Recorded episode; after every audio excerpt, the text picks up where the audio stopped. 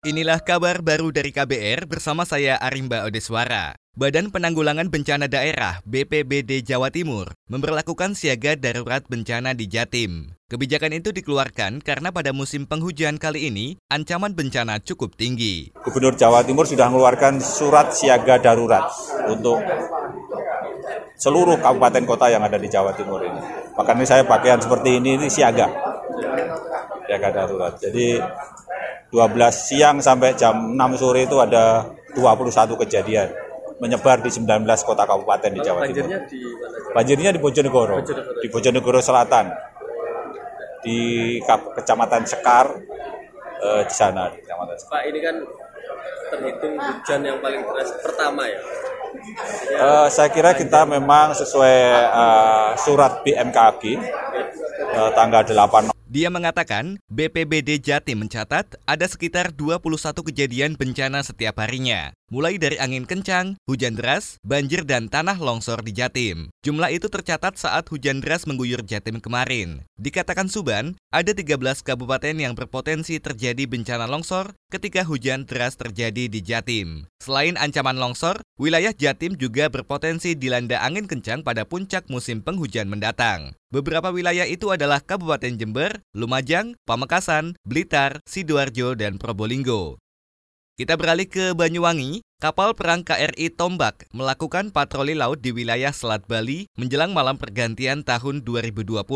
Patroli laut itu dilakukan dengan skala besar karena melibatkan semua unsur, di antaranya polisi, TNI, Basarnas, dan PT ASDP Ketapang Banyuwangi. Kepala Kepolisian Resor Kota Banyuwangi, Arman Asmara Syarifuddin mengatakan, patroli gabungan berskala besar ini guna untuk memastikan keamanan wilayah Selat Bali, baik itu aktivitas pelayaran maupun aktivitas nelayan.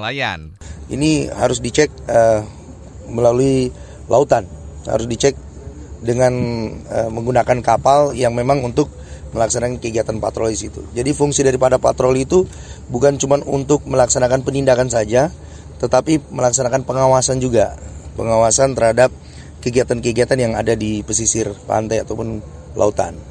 Sementara itu, Komandan Lanal Banyuwangi Julius Azainal mengatakan KRI Tombak dan KRL Tabuhan tersebut memang diperbantukan untuk pengamanan wilayah Selat Bali selama libur panjang Natal dan Tahun Baru 2020.